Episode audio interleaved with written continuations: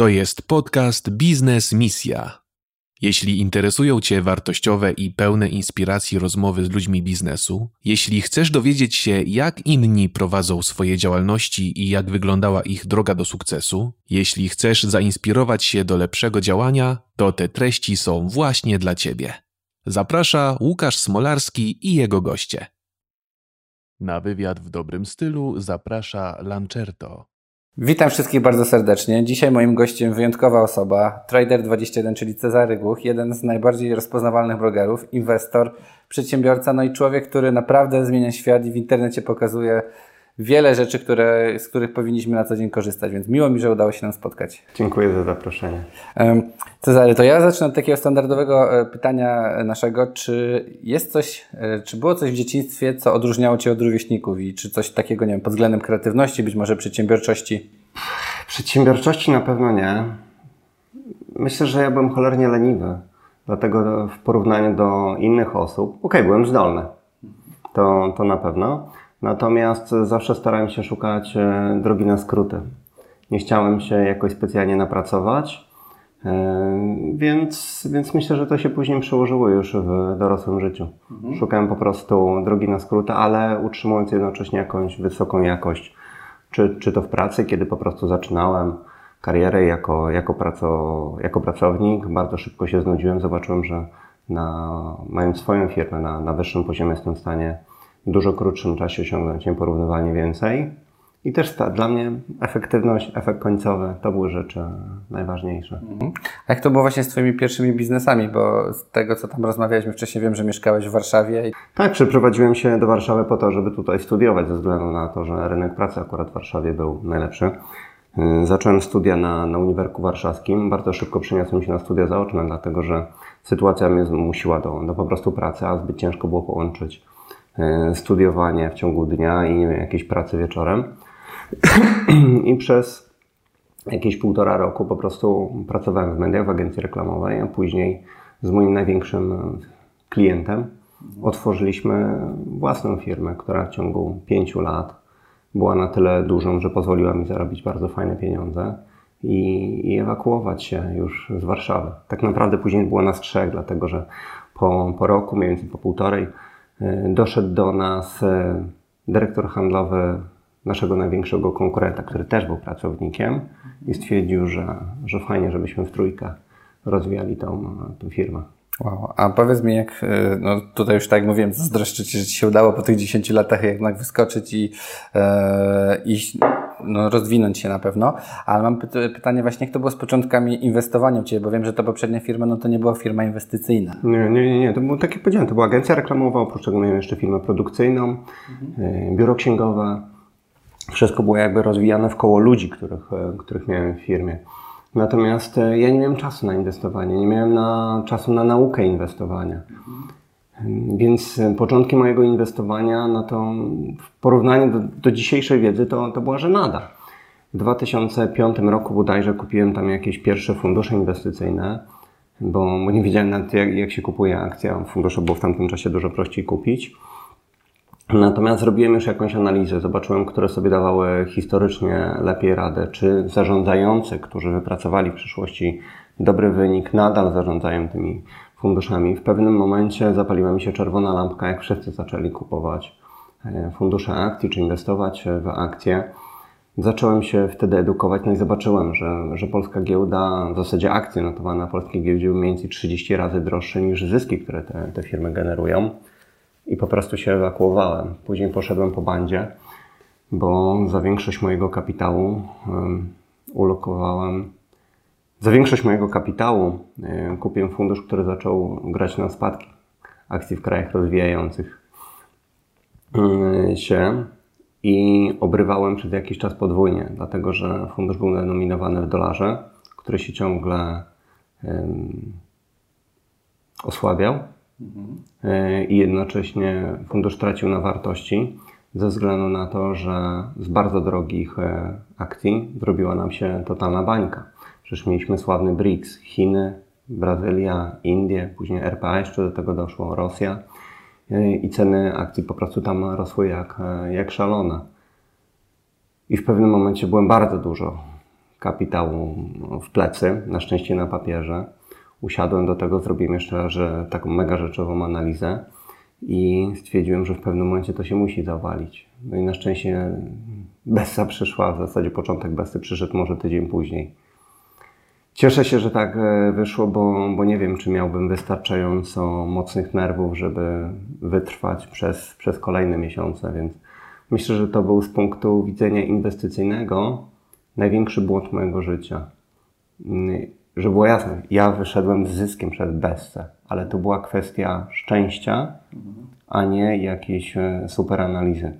Bo w pewnym momencie dolar z 2 złotych podszedł na 3,8 i fundusz, który był na stracie, nagle okazało się, że generował jakieś, e, jakieś zyski, nie takie jak oczekiwałem, ale to był fundusz Goldmana, który pewnie miał tysiąc ukrytych kosztów po drodze.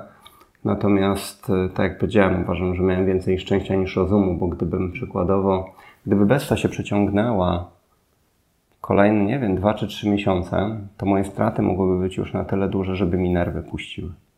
Mhm. Więc od tego momentu zacząłem już dużo, dużo ostrożniej, a potem jak wyjechałem z Polski w 2009 roku, to już miałem na tyle dużo czasu, że zacząłem się edukować, czytałem wszystko, co wpadło mi w ręce, ściągałem różnego rodzaju audycje, wywiady, no i później to szło krok po kroku. Chciałem Cię zapytać takim inwestowaniu dla laika, żebyśmy od tego rozpoczęli. Dzisiaj właśnie tym, co się dzieje, wiele osób w panice chce lokować gdzieś pieniądze, nie ma w ogóle na ten temat dużej wiedzy. Trochę pewnie tak jak Ty gdzieś na początku byłeś i, i są właśnie nieruchomości, jest giełda, są kryptowaluty. I co Ty poradziłbyś komuś, kto chce zacząć w ogóle przygodę z inwestowaniem dzisiaj? Zacząłeś od kryptowalut. Skończyłeś w zasadzie na, na, na kryptowalutach, więc e, może ja od tego zacznę. Nie dotykać. Y, absolutna większość osób traci kapitał inwestując w kryptowaluty. Jakbyśmy tak historycznie spojrzeli, no to większość ulicy, czyli osób bez żadnej wiedzy, bez doświadczenia, inwestowała w kryptowaluty pod koniec 2017 roku oraz powiedzmy w okolicy marca, kwietnia, maja tego roku, kiedy mieliśmy bardzo wysokie ceny. Ludzie działają w oparciu o emocje i ludzie chcą kupować wtedy, kiedy jest drogo, dlatego że uważają, że jeżeli coś rosło przez powiedzmy ostatni rok, ostatnie dwa lata, to będzie dalej rosło.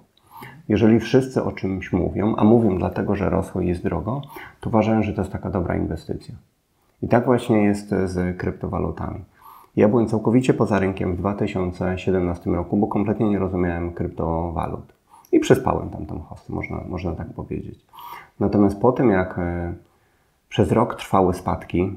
Po tym jak sentyment wkoło kryptowalut zrobił się skrajnie negatywny, ja dokonałem pierwszych zakupów. Mniej więcej za 5% e, wartości moich wszystkich aktywów. Ethereum po 150 dolarów, później po 250 i była cisza. Kupiłem to zamysłem, może to spadać dalej, nie trafię w dołek. Nie wiem, kiedy to sprzedam e, w okresie czasowym, ale uważam, że sprzedam to przy, przy kolejnej górce, kiedy znowu ludzie się będą emocjonować kryptowalutami. No i co znowu mieliśmy? Początek tego roku e, gwałtowne wzrosty i ludzie znowu rzucili się do zakupów. Myślę, że najwięcej osób z takiej typowej ulicy rzuciło się właśnie na kryptowaluty w okolicy marca, kwietnia, maja, kiedy już większość wzrostu była za nami, po czym przyszła korekta. Co teraz dalej? Nie wiem, ale zwracam uwagę na to, że ludzie mają tendencję bez wiedzy do kupowania aktywów, które są drogie. Tak samo było z akcjami w 2006 i 2007 roku. Tak samo było z nieruchomościami kupowanymi pod tanie kredyty frankowe. Tak samo jest dzisiaj. Ludzie, jeżeli nie mają wiedzy, to po prostu kupują mieszkanie, nie zważając na to, że rentowność z wynajmu, czy to nieruchomości komercyjnych, czy mieszkań jest po prostu na bardzo niskich poziomach, bo są po prostu bardzo wysokie ceny mieszkań, więc po prostu edukacja, edukacja, edukacja. Wspomniałeś też o akcjach. Ludzie na przykład dzisiaj niechętnie kupują akcje, dlatego że polska giełda stoi w miejscu, albo wszystkie w zasadzie indeksy WIG20, 40 czy 80 są ciągle poniżej szczytu z 2007 roku. Mało się mówi też tu pewnie o giełdzie w portfelu. Mało się mówi, ale mało się mówi właśnie dlatego, że polska giełda jest tania. Możemy znaleźć mnóstwo spółek, które są nisko wyceniane, które przy okazji wypłacają 4, 5 czy, czy 6% dywidendy, co jest wynikiem bardzo dobrym, jeżeli się to na przykład porówna do, do wyniku z obligacji 10-letnich, które płacą 1,5% czy, czy do lokat, które w zasadzie nic nie płacą. Ale ludzie zainteresują się giełdą dopiero, polską giełdą, po tym, jak wyceny będą co najmniej dwukrotnie wyższe. Mhm. Ale czyli dzisiaj byś właśnie podsumowując to pytanie, poradził, to raczej ta giełda właśnie według Ciebie w Polsce jest dalej e, dobrym miejscem na, na dzisiaj. Tak, nawet nagrałem e, ostatnio filmik pokazującym, że, że polska giełda jest, e, jest dobrze wyceniona, że warto ulokować ten kapitał, ale przede wszystkim, jeżeli w cokolwiek inwestujemy, to inwestujemy tylko dlatego, że to rozumiemy, a nie dlatego, że jakiś gość na jakimś kanale na, na YouTubie tak powiedział. Dlatego, że Inwestowanie to nie jest e, prosta droga e, w górkę. Być może ktoś, e, ktoś kupi sobie akcję w Polsce i będziemy mieli zaraz albo kolejny lockdown, albo jakiś cyberatak, który sparaliżuje sieci dostaw i będziemy mieli znowu obsługę na, na giełdzie o 40%, tak jak w lutym 2020.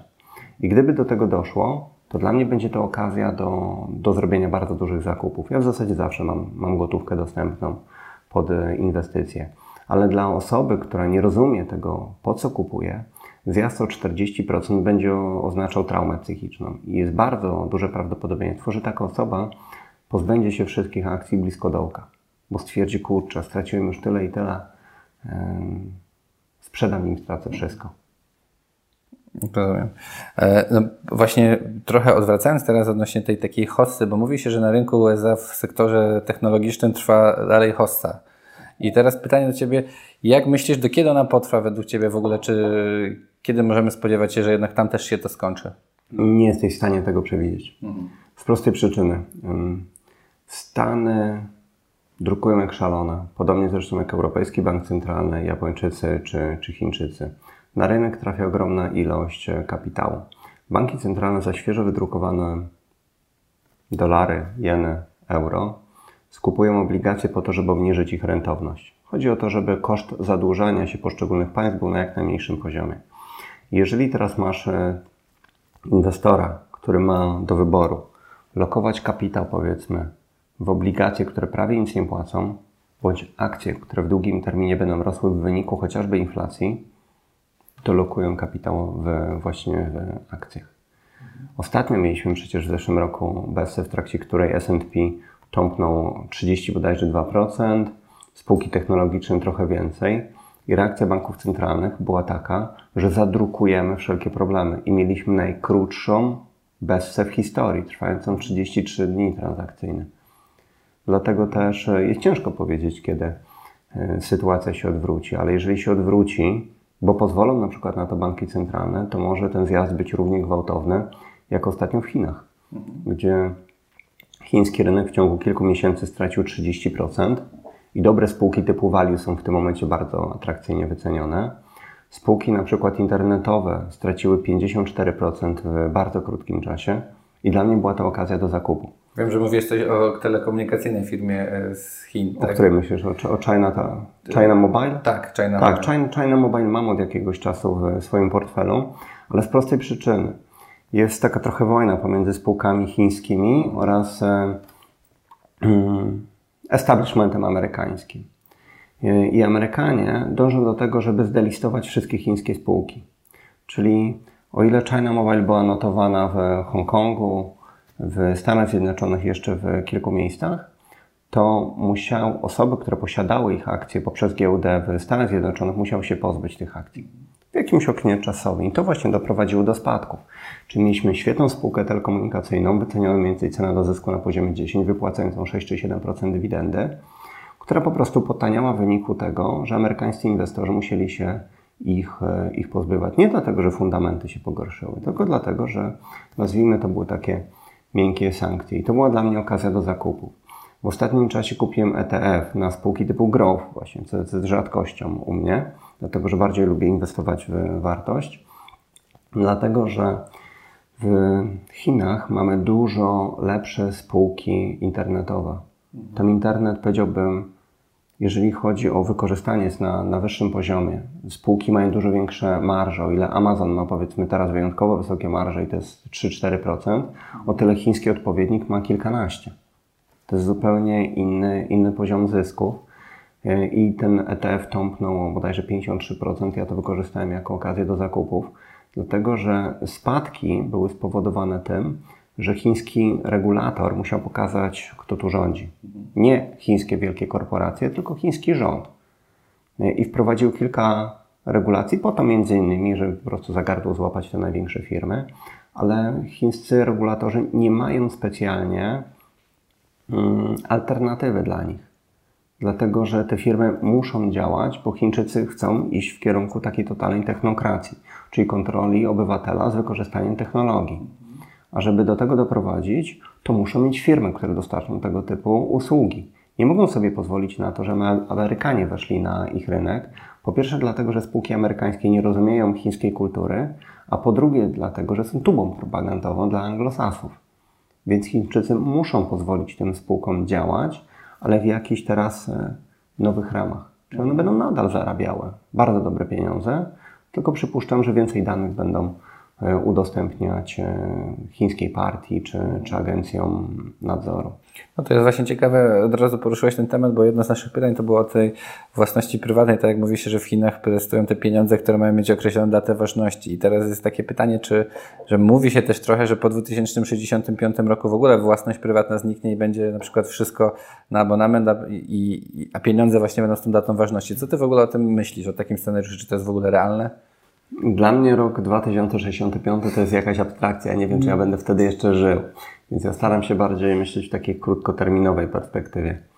Pieniądze z określonym terminem ważności, czyli tak zwane te CBTC, zostały wymyślone po to, żeby nakręcić inflację e, i pozwolić właśnie wyższą inflacją wyjść zadłużenia, dlatego że przez ostatnie kilka lat banki centralne na całym świecie drukowały ogromną ilość waluty, ale ona była zamknięta w systemie. Teraz ta waluta trafia do, do ludzi w postaci czy to finansowania wysokich deficytów, czyli rozdawania 500, plus, jakieś tam kupony na wakacje i tak dalej. Na całym świecie ma to miejsce, ale inflacji nie wywołasz tylko samym zwiększeniem ilości waluty. Musisz mieć do tego jeszcze wysoką cyrkulację waluty. A cyrkulacja waluty w ostatnim czasie spowolniła, no bo mieliśmy lockdowny i ludzie bali się o przyszłość. Jak nie wiesz, czy nie stracisz pracy za miesiąc, to nie wydajesz pieniędzy, tylko je akumulujesz. Więc, żeby wymusić na ludziach wzrost cyrkulacji waluty, no, szaleni bankierzy centralni wpadli na pomysł, że będziemy uruchamiać elektroniczne portfele, na które będziemy przesyłać pieniądze, które właśnie wykreowaliśmy, ale one będą miały określoną datę ważności. Dlatego, że jeżeli wiesz, że po miesiącu od przesłania ci, powiedzmy, jakiegoś tam gwarantowanego dochodu, nazwanego bezwarunkowym, 20 czy 40% tych pieniędzy zniknie z portfela, jeśli ich nie wydasz, więc w naturalny sposób je wydajesz. Wątpię, żeby to dotyczyło całego systemu monetarnego i wszystkich walut. Najprawdopodobniej będzie to dotyczyło walut, które będą przesyłane na, na nasze elektroniczne portfele w ramach właśnie jakichś tam programów ala bezwarunkowy dochód. Albo 500 plus wydasz. Tak, albo 500 plus dokładnie. Czyli masz to po prostu wydać, nie możesz tego kumulować, nie możesz oszczędzać, masz to po prostu wydać. I przez to, że ludzie zaczną wydawać, przyspieszy tempo cyrkulacji waluty, co też w naturalny sposób przełoży się na wzrosty inflacji, co znowu uderzy w tych naj, najbiedniejszych, bo ci, którzy mają pieniądze, zazwyczaj są też wyedukowani i wiedzą, w jaki sposób je chronić przed inflacją. Tak. E, to powiedz mi właśnie, trochę już jesteśmy o tych scenariuszach, bo też e, czy ty co sądzisz, w ogóle mówi się takie pojęcie wielki reset? Czy ty w ogóle myślisz, że jakie jest takie prawdopodobieństwo wystąpienia tego resetu, już może nie w takich latach, jak gdzieś tam za ileś, tylko w najbliższych kilku latach, może dziesięciu max? No pytanie, co rozumiesz przez wielki reset? Jeżeli reset długów to jest to bardzo prawdopodobne, bo, bo wszystko do, do tego zmierza. Ostatecznie próbują wywołać inflację wysoką, po to, żeby po pierwsze pozbyć się sporej części długów, żeby sprawić, że, że ten cały system nie będzie już się tak rozwalał. Problem jest taki, że każda reakcja rodzi reakcję. O ile w normalnych warunkach Grecy czy Włosi musieliby zapłacić 20% odsetek, żeby ktoś im pożyczył kasę na chociażby rok, to ze względu na działania banków centralnych mogą zadłużać się nie płacąc prawie nic. Więc teoretycznie działania banków centralnych, które zmierzały do dewaluacji długu, sprawiają, że ten dług też ym, przyrasta. Ale najprawdopodobniej w pewnym momencie inflacja będzie na tyle duża, że banki centralne stracą kontrolę nad nią. I wtedy usłyszymy, że pieniądz, który był kreowany w systemie rezerwy cząstkowej, a 90% waluty, czy tam 80 parę jest kreowane właśnie nie na poziomie banków centralnych, tylko na poziomie bankowości komercyjnej, że to jest źródło wszystkiego, całego zła. I trzeba przebudować system. Henry Ford ponad 100 lat temu powiedział, że gdyby ludzie wiedzieli, w jaki sposób funkcjonuje nasz system monetarny, to byśmy drugiego dnia mieli rewolucji. W tym jest bardzo dużo racji. Jeżeli w pewnym momencie zwali się winę za wysoką inflację, za destrukcję gospodarki, destrukcję oszczędności na system bankowości komercyjnej, to ludzie będą się domagali, żeby rząd coś z tym zrobił. Niestety ludzie tak myślą. Nie widzą, że to rząd właśnie i banki centralne doprowadziły do problemu, ale rząd ma coś z tym zrobić. Tak myśli przeciętny wyborca, niestety. I rząd coś zrobi. No, zaproponuje rozwiązanie, w którym cały nowy pieniądz, a w zasadzie waluta, będzie emitowana przez bank centralny. I to będzie najprawdopodobniej ten wielki reset. Przez jakiś czas będziemy mieli pewnie dwie waluty w obiegu. Jakąś nową walutę emitowaną przez bank centralny. Czy z ograniczonym terminem ważności, czy nie, nie wiem. I po drugiej stronie będziemy mieli waluty, które drastycznie tracą na, na wartości. Mhm. No ciekawe, miejmy nadzieję, że tak jakby odwleczy się, nie będzie aż tak drastycznie, jak, jak, jak mówimy, no ale, ale jakby prognostyk jest niestety taki jasny. Nie, nie jest sprzyjający. Wiesz co, problemem jest też, że wielki reset może dotyczyć i dotyczy tak naprawdę gospodarki jako całości, bo psychopaci pokroju Szwaba chcą, żebyśmy za kilka czy kilkanaście lat mieli w zasadzie dwóch pracodawców. Rząd oraz największe korporacje, dlatego że wtedy nie mając małych i średnich firm, cokolwiek zostanie wprowadzone na poziomie rządowym, to, to jednostka musi się podporządkować. Chcesz wziąć, nie chcesz wziąć eksperymentalnej szczepionki, yy, musisz, bo jak nie, to cię zwolnimy. Yy, I o to chodzi. Ten, ten przykład pokazuje, jak przy dwóch pracodawcach jesteś uzależniony od, od systemu. Mhm. To przejdźmy może trochę teraz do nieruchomości, bo będziemy pewnie tego o różnych tematach poruszać, bo yy, w ogóle, że udało Ci nam się spotkać, to jest, wiem, że przyjechałeś, to jest cud, bo, bo mieszkasz w pięknym, ciepłym rejonach i wszyscy się pytali, czy lecę do Ciebie na Majorkę. Powiedziałem, że oczywiście jesteś. tak. Um, więc yy, chciałem Cię teraz zapytać trochę o nieruchomości. Rynek nieruchomości, który jednak tutaj jakby nawet w takim rynku, gdzie jesteśmy warszawskim jest bardzo popularny, że wiele osób nawet takich model korpo, że ktoś pracuje w korpo, odłoży pieniądze, kupujemy nieruchomości i są one najłatwiejsze. Jak Ty myślisz dzisiaj na przykład mając nieruchomość w Warszawie, którą na przykład się wynajmuje, jest cały czas wędna, co ty byś dzisiaj zrobił? Czy byś sprzedał, wynajmował? Bo mówi się o tym, o różnym, o podniesieniu stóp procentowych, być może kiedyś o podatku kastralnym i tak dalej. Dla mnie trzymanie takiego mieszkania nie ma żadnego sensu, dlatego że jeżeli takie mieszkanie wynajmuję, to muszę też poświęcić jakiś czas. Mój czas jest dosyć e, cenny. Więc ja zamiast, powiedzmy, nawet gdyby to było 3-4%, uważam, że to jest realnie mniej, to ja wolę kupić rejty. Czyli fundusze, które inwestują w duże obiekty pod, pod wynajem, bo ja łatwo z nich mogę uzyskać 6 czy, czy 7% dywidendy. Natomiast Drugi aspekt jest taki, że ja po pierwsze nie lubię kupować tego, co wszyscy, dlatego że jeżeli wszyscy coś kupują, to jest po prostu droga. Wszyscy wiemy, że w Polsce mamy wysokie ceny nieruchomości, co nie znaczy, że za rok nie będą jeszcze droższe, bo coś, co jest bardzo drogie, może być horrendalnie drogie. No ale wspomniałeś o zagrożeniach. Mhm. Zagrożeniem jest wzrost stóp procentowych. Rada Polityki Pieniężnej nadal, mimo że mamy już inflację na poziomie 5%, nie podnosi stóp i to jest chore, to jest karygodne. Ci ludzie powinni siedzieć, bo dokonują destrukcji w gospodarce takich no, nie do opisania. Ale w pewnym momencie mogą spanikować i podnieść po prostu. Bo nie będą mieli wyboru, jak rzeczywiście inflacja zacznie przyspieszać. Bo jeżeli tego nie zrobią, to złotówka zacznie tracić gwałtownie na wartości. No bo jeżeli wszyscy na świecie widzą, że w Polsce mamy bardzo wysoką inflację i mamy najsilniejsze negatywne rzeczywiste stopy procentowe, a takie właśnie mamy w Polsce, to w pewnym momencie inwestorzy się ewakuują, bo się boją, obawiają się nie o tyle od cen nieruchomości, co obawiają się o kup. Tak, i o złotówkę. I w pewnym momencie, jak złotówka zacznie tracić gwałtownie na wartości, bo się kapitał ewakuuje z naszej giełdy, z naszego rynku obligacji, to Rada nie będzie już miała wyboru i nie będzie podnosić o 0,5% czy o procent, tylko od razu 5, o 10. Bo wtedy musisz przekonać inwestorów, żeby wrócili. Dla 10% odsetek, czy wrócą? No nie wiem, wtedy jest 15 i te testowanie. Mhm. To jest, y, powiedziałbym, mało prawdopodobny scenariusz, określiłbym go na 20% w ciągu kolejnych lat. Dużo bardziej prawdopodobne, że Rada, powiedzmy, zacznie w końcu podnosić stopy. Nawet jeżeli inflacja wzrośnie do 8%, to oni nie podniosą stopy do tych poziomów, ale podniosą do 3, do 4. Ale problem jest taki, że jeżeli dzisiaj cały koszt kredytu to jest powiedzmy 2,5%, no bo WIBOR jest bliski zero, a masz marżę powiedzmy 2,1%, to jeżeli ci to z dwóch skoczy do pięciu, to trochę to zaboli. Ale jak ci wzrośnie do 7-8, to naprawdę bardzo zaboli. I wtedy wiele osób, które kupowało mieszkanie na kredyt, mm, zakładając, że taką wysoką ratę będą mieli do końca życia, bardzo brutalnie się o tym przekona i w pewnym momencie część osób nie będzie w stanie spłacać kredytów i wystawia mieszkanie na sprzedaż. Ceny nie spadną od razu, dlatego że pierwszym momencie dochodzi do załamania ilości transakcji na rynku. Ci, którzy mieli kupić, stwierdzą, a wstrzymam się, może kupię taniej. Ci, którzy kupili drogo, a muszą sprzedać, uważają, a to tylko chwilowa korekta, może nie będę sprzedawał. I dopiero po jakimś czasie ceny zaczynają spadać.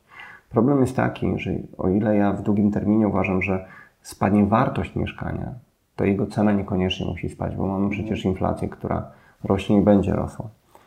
Mm, podatek katastralny, który przywołałeś, tak naprawdę już mamy, tylko pod, ukryty pod podatkiem od deszczówki. Ale elektorat obecnej partii nie ma mieszkania. Jak ma, to zazwyczaj jedno. Więc co zrobią? Najprawdopodobniej wprowadzą podatek progresywny, taki grecki model. Pierwsze mieszkanie, powiedzmy, jest zwolnione z podatku katastralnego, ale od drugiego płacisz już tam X. Od trzeciego płacisz dwa razy X od czwartego płacisz, te stawki procentowe już bardzo rosną, więc jeżeli ktoś ma dużo mieszkań, to może się okazać, że cały przychód z najmu pójdzie na spłatę podatku katastralnego. Mam nadzieję, że nigdy do tego nie dojdzie, ale nigdy nie wiesz, co ci psychopaci na wiejskiej wymyślą. Mhm, oczywiście, ja się przejęzyczyłem nie kastralny, bo to śmiesznie brzmiało katastralne. Oczywiście, dzięki za e, e, odpowiedź i jakby trochę to, co powiedziałeś, właśnie odpowiedziałeś na to pytania, ale też poruszyłeś ten, ten obszar tej inflacji, która jest dzisiaj ta inflacja. Mówi się, że jest tam parę procent, ale tak jakbyś popatrzył na przykład tak jak z życia wzięte budowlanka na przykład, nie? gdzie stal poszła 100%, drzewo poszło tam ponad nawet się mówi i tak dalej. I jakie według Ciebie będą skutki już tak szybkiej inflacji, bo ona już jest, to już się tak jakby, no niestety dzieje, nie? I to nie jest parę procent, nie? To jest parę procent pewnie ogółu. No jeżeli ktoś dzisiaj buduje dom, no to ma, ma duży problem. Wiele osób też uważa, że ceny nie mogą spaść, dlatego że rosną ceny materiałów budowlanych. Ale ceny materiałów budowlanych rosną ze względu na to, że mieliśmy trochę przerwane łańcuchy dostaw i ceny zaczęły rosnąć. I deweloperzy zobaczyli, kurczę, rosną, mamy tutaj, mamy mieszkania zakontraktowane po tyle. Więc e, kupują na zapas. I to doprowadziło do takiej samospędzającej się przepowiedni. Czyli deweloperzy uważają, że ceny metali, surowców będą rosły, czy to stali, czy, czy to betonu, czegokolwiek, więc kupują. Doprowadzając tym samym do wzrostu cen. Widzą to inni i też kupują. Bo boją się, że ceny wzrosną. Tak, dokładnie. I z czymś takim właśnie mieliśmy do czynienia w 2007 roku. I w pewnym momencie ta bańka jednak prysła i okazało się, że kiedy tanie kredyty frankowe jednak nie są tak tanie, mieszkania czy domy, które były przykładowo do sprzedaży po, po 500 tysięcy się później sprzedawało na rynku wtórnym po 350. Tak było na przykład w miejscowości obok, miejscowości od której ja pochodzę. Wiele osób kupowało e, domki jednorodzinne budowane przez dewelopera, no, tragiczna jakość, po, po pół miliona i każdy uważał, że ceny nie mogą spaść. Dlatego, że koszt wybudowania był taki, a nie inny. Kiedy ten popyt się załamał, no to niestety część osób była zmuszona do, do sprzedaży na rynku wtórnym, bo nie byli w stanie udźwignąć tak, e, tak wysokich obciążeń kredytowych. I wtedy przychodzi do ciebie potencjalny kupiec i ty mu nie, mówisz, ja ci to sprzedam za 500 tysięcy, bo były drogie materiały budowlane. Kładzie ci na stole 350-400 tysięcy i się decydujesz. Zmierzam do tego, że mimo, że są wysokie ceny materiałów budowlanych, to to niekoniecznie musi oznaczać, że mieszkania nie stanieją. To nie jest tak, że musisz sprzedać mieszkanie czy dom powyżej kosztów e, jego wybudowania. Ja jestem dobrym przykładem. Przecież jak ja tych po moich wojażach wróciłem do Polski, wybudowałem sobie taki dom, jaki chciałem. Pomieszkałem tam łącznie może rok i wystawiłem go na sprzedaż, bo ja wiedziałem, że ja nie chcę w Polsce mieszkać.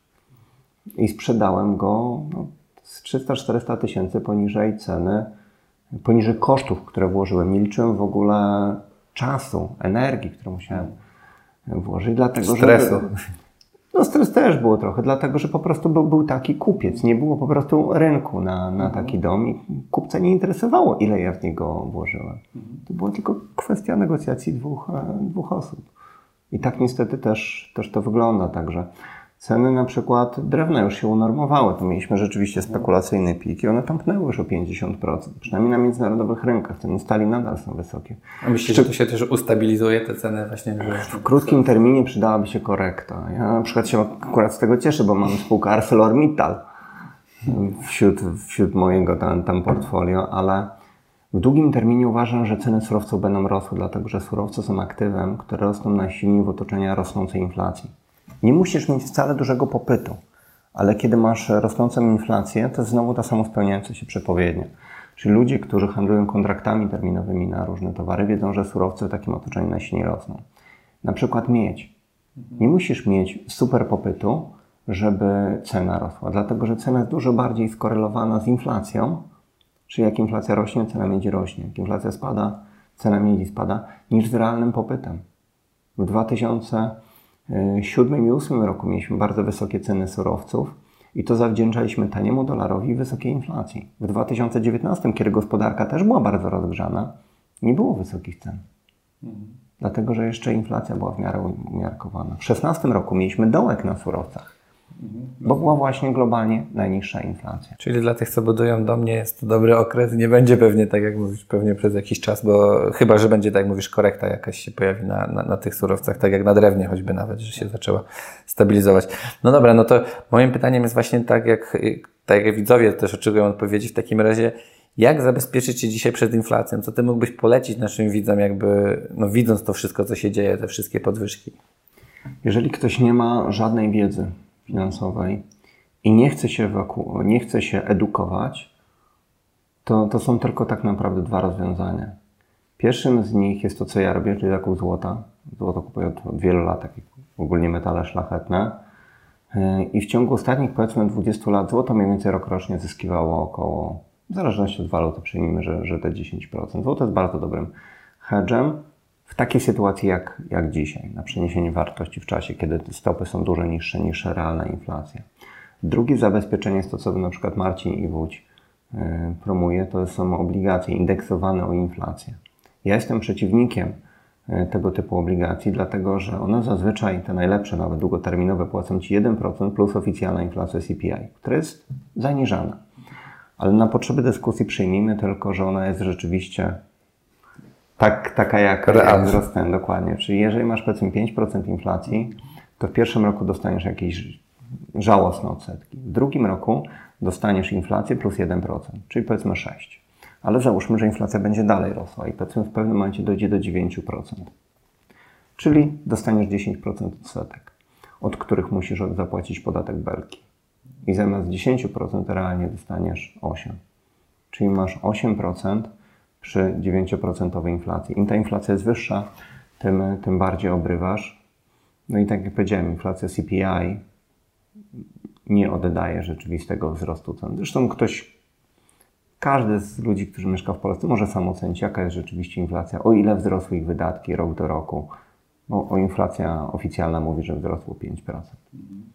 W związku z czym no, jest to lepsze rozwiązanie niż inwestowanie bez wiedzy, bo inwestowanie bez wiedzy zazwyczaj kończy się tragicznie. Mhm. No dobrze powiedziałeś i rzeczywiście zabezpiecza nas dzisiaj przed tą inflacją, bo ona jest, więc rzeczywiście nie ma co na siłę. Dla, mnie, dla mnie najlepszym zabezpieczeniem są spółki surowcowe, zarówno firmy zajmujące się produkcją żywności, wydobywaniem metali przemysłowych, uranu, e, metali ziem rzadkich, e, surowców strategicznych, czyli szeroka gama surowców mhm. energetycznych bo surowce właśnie najsilniej rosną e, w otoczeniu rosnącej inflacji.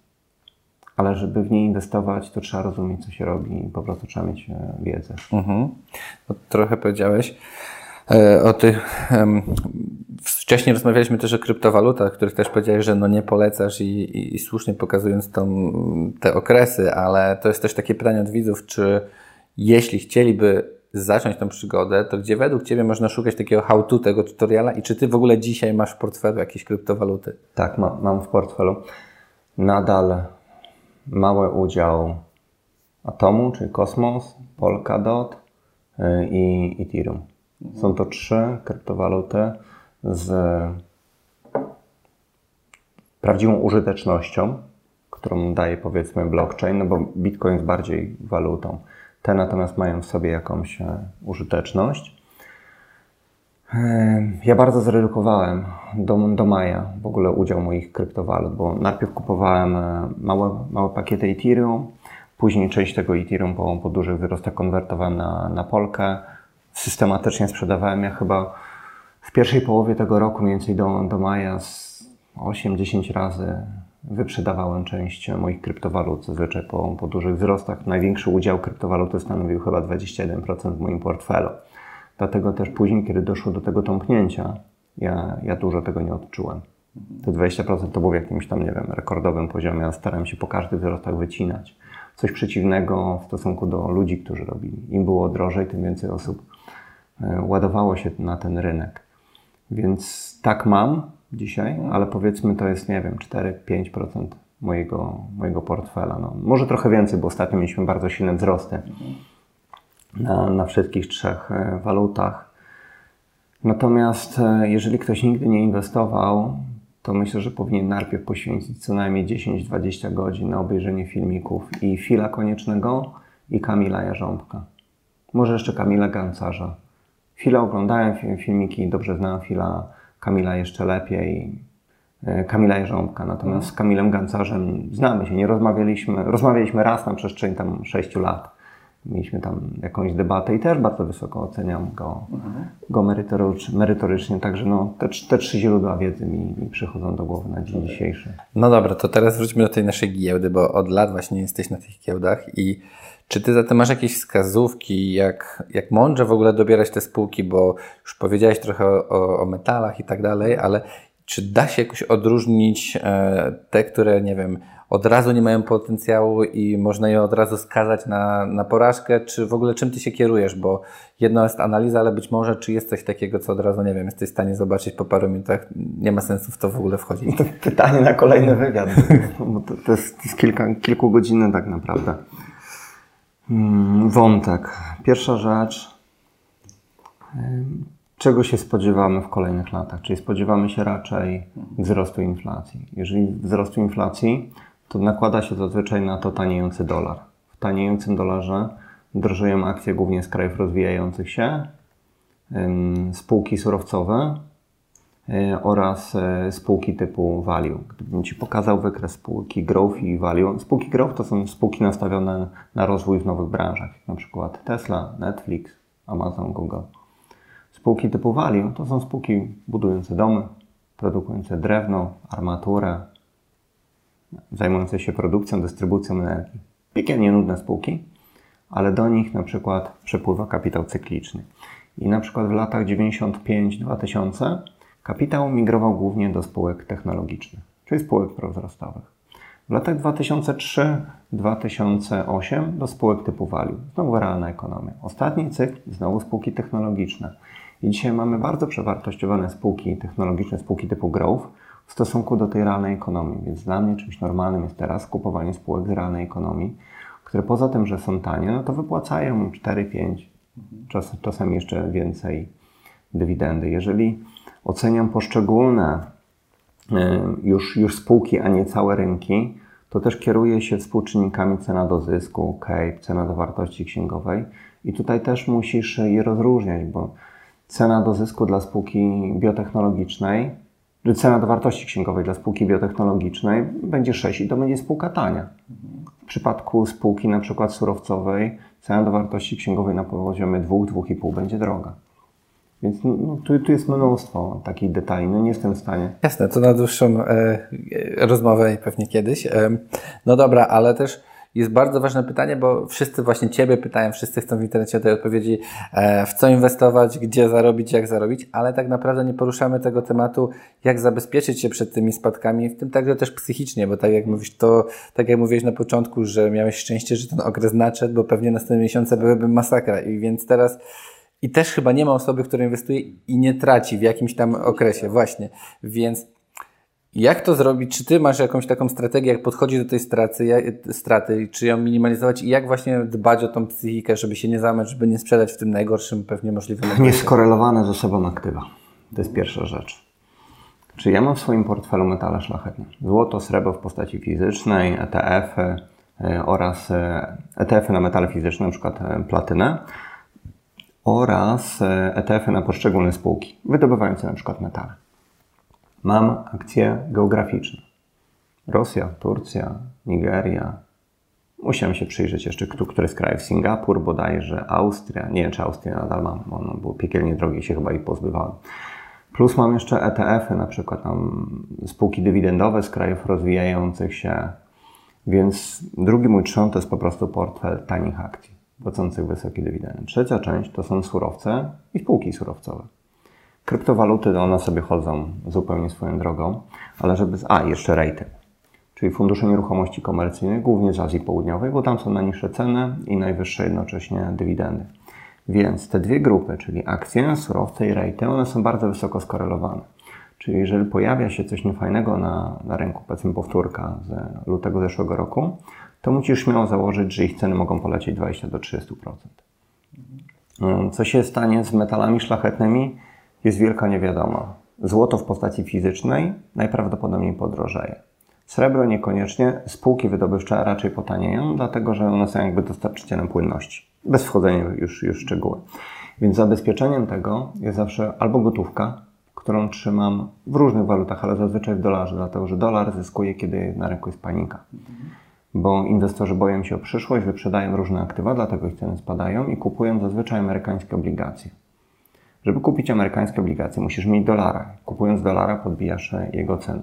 Więc mam zazwyczaj dwie pozycje. Pierwszą jest po prostu dolar, drugą są amerykańskie obligacje skarbowe, te najbardziej zmienne, powyżej 20 lat. To jest ETF po prostu na e, amerykańskie obligacje, które na przykład w zeszłym roku podczas tego panicznego, w ciągu tego miesiąca paniki podrożał około 20%. I to było w zasadzie obok złota, ale fizycznego tylko, jedyne aktywo, które zyskało w tym okresie. Więc przez to, że mam te kilkanaście, czasami powiedzmy 20 kilka procent w gotówce, to pierwsza rzecz to jest efekt psychologiczny. Mam gotówkę, mam obligacje po to, żeby wydać te pieniądze, zamienić je na tanie aktywa wtedy, kiedy dochodzi do bessy. Więc ja mentalnie się przygotowuję na spadki. I kiedy do nich dochodzi, ja nie panikuję, tylko po prostu rozglądam się, czy to już jest moment, czy już kupić i ewentualnie, jeżeli tak, to co. Druga rzecz, przez to, że mam tą część, której wartość rośnie w okresie spadków, to mój cały portfel nie tąpnie.